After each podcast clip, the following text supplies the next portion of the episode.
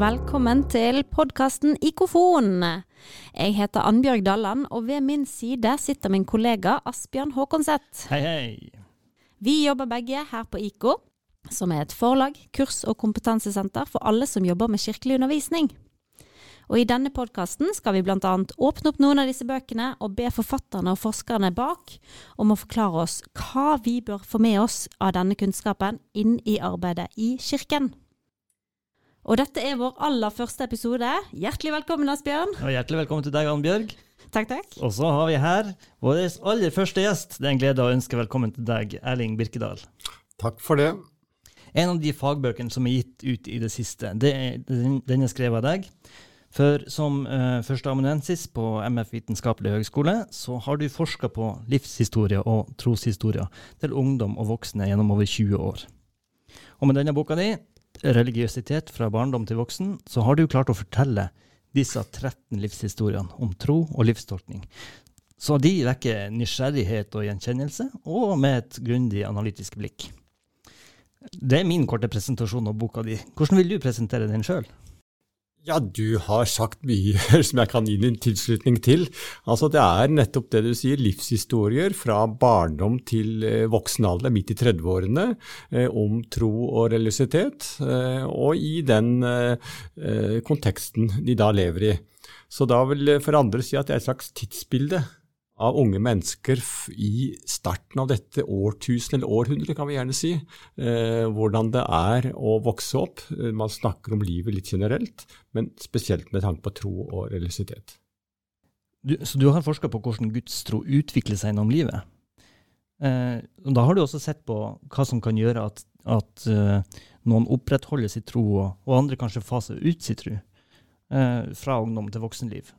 Hva kan du si ja, om det? Ja, nei da, Jeg har jo snakket med ungdom eller fra barndom til 13-årsalderen som noen har en veldig klar tro, og noen ungdom er veldig sånn tydelige på at yes, de er helt sikkert tro på Gud osv. Eh, som noen opprettholder det frem til midt i 30-årene.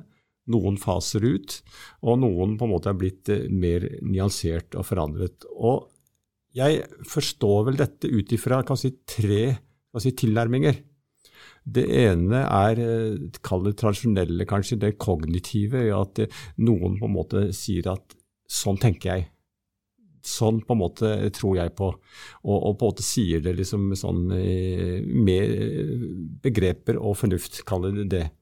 Mens det er noen som da er eh, knyttet til det sosiale. Jo, jeg vokste opp i en familie som tror sånn.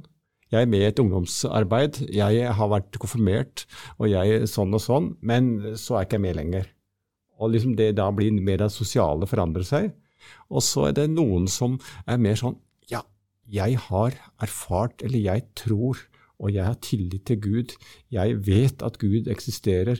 Det er uansett liksom hvem jeg er sammen med, eller hva jeg tenker, men jeg bare vet det, for jeg har opplevd noe og noen forteller noen sånne fortellinger om hva de har opplevd også, men det er liksom det jeg kaller den emosjonelle forankringen.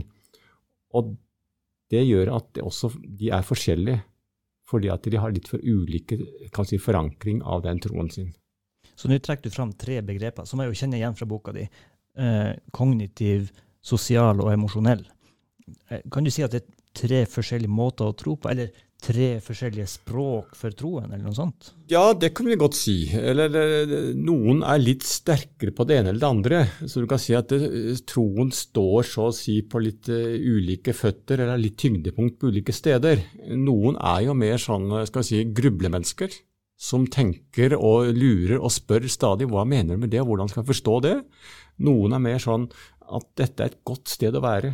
Jeg er sammen med andre som tror, og det er flott å være. Og noen andre igjen er mer opptatt av musikken, det estetiske, opplevelsen av at dette liksom rører ved meg, og jeg får en trygghet og en ro i meg. At dette må liksom være noe guddommelig, så å si, i det. Og, og det gjør at øh, jeg sier at øh, hvis du får alle de tre på en måte perspektivene, eller de føttene å stå på, da, så står man kanskje litt tryggere i troen enn de som kanskje er forankret et sted, og hvis da noe faller bort, så blir det litt mer sårbart. Så det kan jo ha noe å si for hvordan man driver ungdomsarbeid i kirka? Absolutt. Så jeg vil vel utfordre de som driver arbeid i kirka, å tenke over hva er det egentlig man holder på med, eller kan vi si sånn, hvordan oppfatter da de som er med i dette ungdomsmiljøet eller ungdomsarbeidet eller barnearbeidet, hva det er, eh, det vi gjør? Snakker jeg nå til hjernen? Snakker jeg til hjertet, eller snakker jeg til som kroppen noe å gjøre? Og jeg tenker at uh, gjøre sammen. Og jeg tenker at alle tingene bør på en måte stimuleres og på en måte få involvert flest mulig. Uh, så jeg tenker at uh, det er en, si, et slags analysespråk da, for å gjennomtenke sitt eget arbeid. Mm, forskjellige trosspråk på et vis, så man kan, man kan vektlegge flere forskjellige, uh, flere forskjellige måter å, å uh, bruke, ja, bruke troen og spiritualiteten på i ungdomsarbeidet. Ja, du kan godt si det på den måten. Mm. mm. Jeg eh, tenkte på disse casene i boken, at eh, det er jo nesten som å bruke dem som en ressurs når du ser den utviklingen du har intervjuet i, og, og ser utviklingen, og du kan nesten eh, gule ut og bruke farger på de ulike beina, da, eller språkene som dere snakker om. Eh, ja, kan du da eh, vise til en positiv utvikling som vi kan bli inspirert av? Ja, så jeg tenker at noen blir med i et ungdomsarbeid fordi at venner og venninner er med, så blir man på en måte inspirert og får tillit til noen, og sånn sett eh, blir mer troende på den måten, og i hvert fall uttrykk for det. Uh, og, og, da er det noen som jeg ser har liksom fått en veldig sånn en uh, opptur, da, i en periode i hvert fall, i ungdomskulturen. Uh, et eksempel å tenke på, så det er det som da mista liksom det fellesskapet, og sånn sett var det sårbart, for det blir borte også litt av troen. og så er det noen som får noen nære venner som de på en måte da får, eh, får hjelp til og på en måte reflekterer sammen med. Og da får de på en måte en trygghet i at ja, det går an å tro også litt på en annen måte. Eh, og det er eh, eksempler på. Men så har jeg også en som jeg tenker på som jeg kaller Bernt i, boka, som virkelig som lurer og, og, snakker både med prester og andre, og som han skjønner ikke helt og får ikke tak i dette her. Så han klarer liksom ikke å tro som han sier. Uh, og, og, da liksom, er han så opphengt i det kognitive alene, tenker jeg, og klarer liksom ikke heller å komme til endes med det. Og så står han der liksom og stanser sånn jeg ikke snakket med han lenger. Da så var han liksom kalte seg agnostiker. Så, så det er um, veldig interessant å, å, å, se det her, men uh, klart uh, vi ser at det er relasjoner og nettverk med andre som jeg tror betyr mye. Og hvis de da får en opplevelse av yes, dette skapte en mening hos meg, eller det skapte en trygghet i meg, som er det som da igjen fører til at de uh, sier at de, jeg tror. Og det er litt ulike terskler hvor mye de så å si skal uh, tro for at de tør bruke det uttrykket, da, og si at de tror. Det var uh, fint sagt om de tre de mhm. tre stikkordene i, i, boka, kognitivt, eh, sosialt og eh, emosjonelt. Det er et annet punkt uh, av det du skriver som jeg vil, som jeg vil be deg om å si litt mer om. For du, du, skriver at mange av informantene dine viser en mer nyansert holdning til tro og religiøsitet som voksne enn de gjorde tidligere i livet. Hva legger du i det? Ja, det har litt med at menneskene forandrer seg eh, gjennom hele livet. Eh, og spesielt i den alderen jeg har eh, intervjuet disse, så er det klart det er veldig forskjell på en 13-åring og 30-åring. Eh, og det har noe med den teorien jeg også bruker, med å forstå sin egen livshistorie. At de da lærer nye ting, de får nye erfaringer, og da ser de tilbake på seg selv i nytt lys. Og det betyr at de igjen også blir mer nyansert ved at de da eh, også kjenner til andre personer, og de har lest og de har eh, fått teori som gjør at eh, de ser eh, på en måte at det er ikke så svart-hvitt som gjerne kanskje en tenåring er. da, For de er veldig sånn all in. Dette er liksom helt sikkert, og dette tror de liksom veldig på.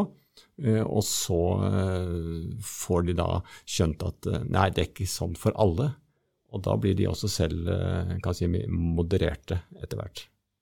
Så vi har snakka litt om ungdomsarbeid, men, men, i kirka møter vi også mennesker i, i den alderen som du har intervjua for, for, for, denne boka, i, i 30-årsalderen. Jeg har møtt mange på babysang. Jeg har hatt ganske mange babysamlinger i løpet av den tida jeg har jobba i kirka.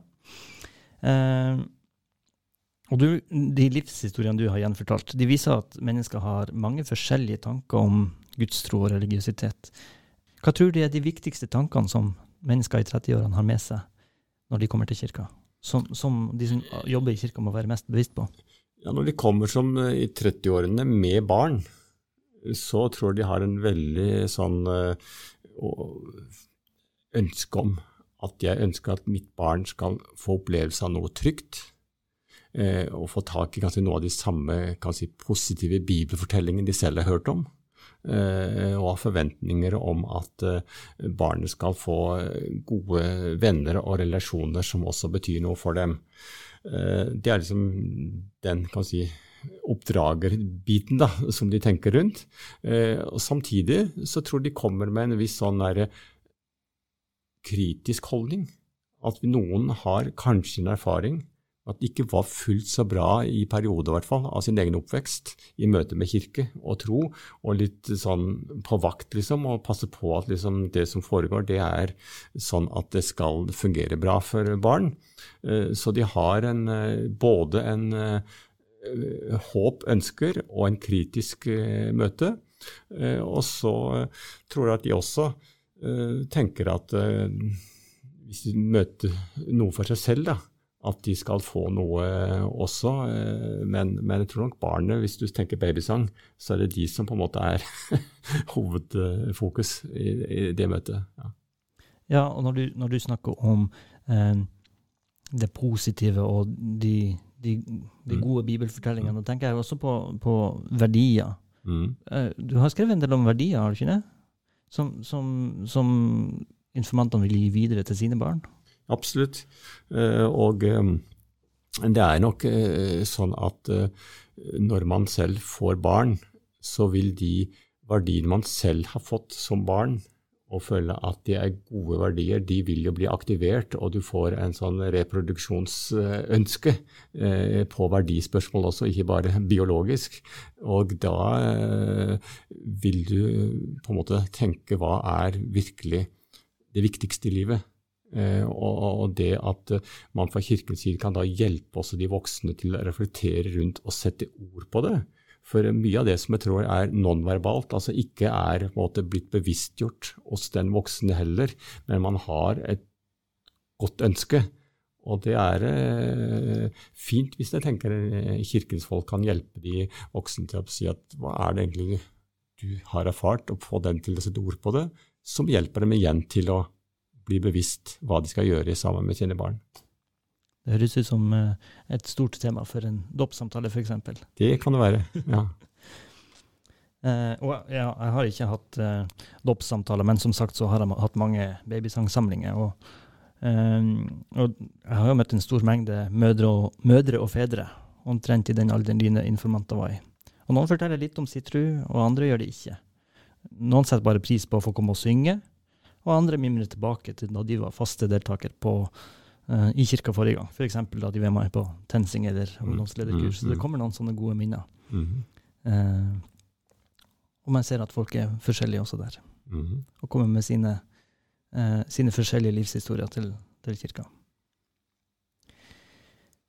Men livshistorie det er jo et viktig begrep i, i boka di. Ja. Og det det, du kan kalle hele teorigrunnlaget for teori om livshistorie. Ja. Jeg må si at jeg ble revet med allerede i teorikapitlet. Eh, og det er jo neimen ikke alltid at det skjer når jeg leser ei, ei, ei, forskningsbok.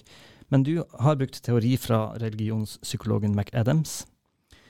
Og poenget er litt at man ser tilbake på hendelser og relasjoner i livet sitt, og tolker dem ut ifra det ståstedet man har i dag, og ikke bare det ståstedet man hadde tidligere. Og du har brukt teorien i møte med informantene i en forskersituasjon, eh, og bedt dem om å fortelle sin livshistorie og, og, og analysert den ut ifra mm. sånn teori. Men hvordan tenker du at man som leder i aktiviteter i kirka kan bruke teorien om livshistorie i møte med ungdommer og med voksne som man treffer der? Ja, nei, Jeg tror um, samme som uh, den teorien uh, sier, at en livshistorie den er dynamisk. At den vil endre seg etter hvert som tiden går, og etter hvert som du forteller historien. Så vil jeg si til uh, pedagogene og de som er i, i kirkelederskap, da, hjelp da barn og unge til å fortelle om seg selv. Og kanskje i ulike sammenhenger og i, ulike si, tidsperioder. Og det skal ikke være slik at de skal liksom, utfordres til å måtte fortelle i plenum til alle andre uh, ting som ikke man ønsker. Men det kan være i et sjelsørgerom, det kan være i et mer naturlig samtale sosialt med noen få. Og jeg tenker at det kan være i en organisert sammenheng og konfirmantundervisning, så vil jeg si at istedenfor å liksom ha alle samlet samtidig, så velg en time ut kvarter og prøv å få alle til å komme og fortelle til deg som lærer, underviser, om seg selv, for å da at de kan sette ord på sin egen livshistorie knyttet til dette med tro og religion. Og da du, hjelper dem til å bevisstgjøre seg, du hjelper dem til å tolke sitt eget liv, og du selv bekrefter dem og du vil selv få en innsikt som gjør at du kan være en bedre kommunikator og bedre pedagog for å være underviser. Ja, jeg har hørt mange, mange kateketer fortelle om eh, hvor verdifullt det er å, å prioritere individuelle samtaler på, på begynnelsen av konfirmasjonstida, f.eks. Mm. Så det, det, det, kan vi ta med som et godt råd. Absolutt, og eh, det kan gjøres flere ganger senere i livet, i betydningen denne teorien jeg bruker. da, Det er jo sånn at denne livshistorien blir jo aldri ferdig i betydningen at den vil være en slags livstolkning som du holder på med hele livet, Uh, ved at du ser ting i nytt lys stadig vekk. Og um, jeg har jo sjøl undervist ungdommer i kirka på en måte som, ja, som har noen likhetstrekk med det du forteller, uh, om å hjelpe dem til å sette ord på hvem de er og si historie. F.eks. i undervisning om identitet. Mm som både kan være et tema i, i konfirmasjonsundervisning og kanskje spesielt i ledertrening. Eh, jeg har utfordra dem til å tegne opp relasjonssirkler og lage enkle tidslinjer for å gjøre dem bevisst på hvordan deres identitet formes. Eh, så livstolking og livsmestring er jo stikkord som vi kjenner godt til i, i trosopplæringen i Den norske kirke. Absolutt. Mm. Eh, og siden det er i kirka, så har vi også sagt at at de kan ha en identitet som Guds barn, uansett hva som skjer og hvor de er i livet. Og at dåpen er et ståsted man alltid kan tolke sitt liv ut ifra. Hva tror du ungdommenes erfaring og samtaler om disse temaene kan bety når man blir voksen? Ja, jeg tror nettopp at uh, å sette ord på sin egen tro og erfaringer uh, ved å da ha det med som en uh, bagasje, holdt jeg på si, i møte med nye utfordringer og nye erfaringer man får i livet, så vil enhver på en måte ny erfaring og nye møter og nye steder bli igjen bygd på hverandre. Sånn at i en eh, barnearbeid i et ungdomsmiljø i en kirke, så vil alltid det være en referanseramme for nye livstolkninger. Så dette er en skal si, kontinuerlig prosess. Så det er mer å tenke også at du kan tenke ryggsekkmetaforen. da, av Hva liksom du får med deg liksom, i en bagasje, så er det en type livstolkning som vi hjelper uh, barn og unge med, er med på også å gi dem trygghet til å kunne beskrive seg, f.eks. i relasjon til Gud du sier, eller beskrive seg som døpt, og tørre liksom å, å si at det har noe betydning det er at de har fått uh, snakket om det og fått en uh, bevissthet om det, og ikke bare at de har hørt det har skjedd som en historisk hendelse, men det er noe som på en måte er en del av meg som menneske. Det tror jeg vil ha en uh, referanse videre i livet, bare de har fått hjelp til å si, bruke det i en viss sammenheng. Annbjørg, har du et spørsmål til Erling som vi kan avslutte med? Ja. Um, jeg tenkte på det at um, uh, ut ifra dette prøver jeg å fange opp et konkret tips til de der ute. Og uh, mest av alt så er det vel det, å være bevisst disse tankene. Det er jo uh, lurt å bare ha dette i bakhodet når du er ute og arbeider. Så derfor lurer jeg på helt til sist, er det én innsikt i den forskningen du har fått med deg på disse ja, eh, årene du har jobbet med denne boken og forskningen bak, som du virkelig kunne ønske at de der ute visste? Ja, det er vanskelig å si det veldig kort, kanskje, men eh, prøve å formulere slik at eh, man må tenke at alle mennesker er på en måte like hverandre. Altså Vi er mennesker, og det er noe menneskelig. Og det er noe som er generelt, som på en måte gjør at man utvikler seg og lærer på tilsvarende måte. Men så er det slik at man er lik bare en gruppe, i betydning at det er en kontekst som man er en del av, et bestemt miljø. Uh, sånn at man er lik noen andre og har noen felles erfaringer. Men så er det det siste som er kanskje det viktigste for meg nå å få sagt, det er at man er lik bare seg selv. Betyr at det er noe som på en måte er helt unikt.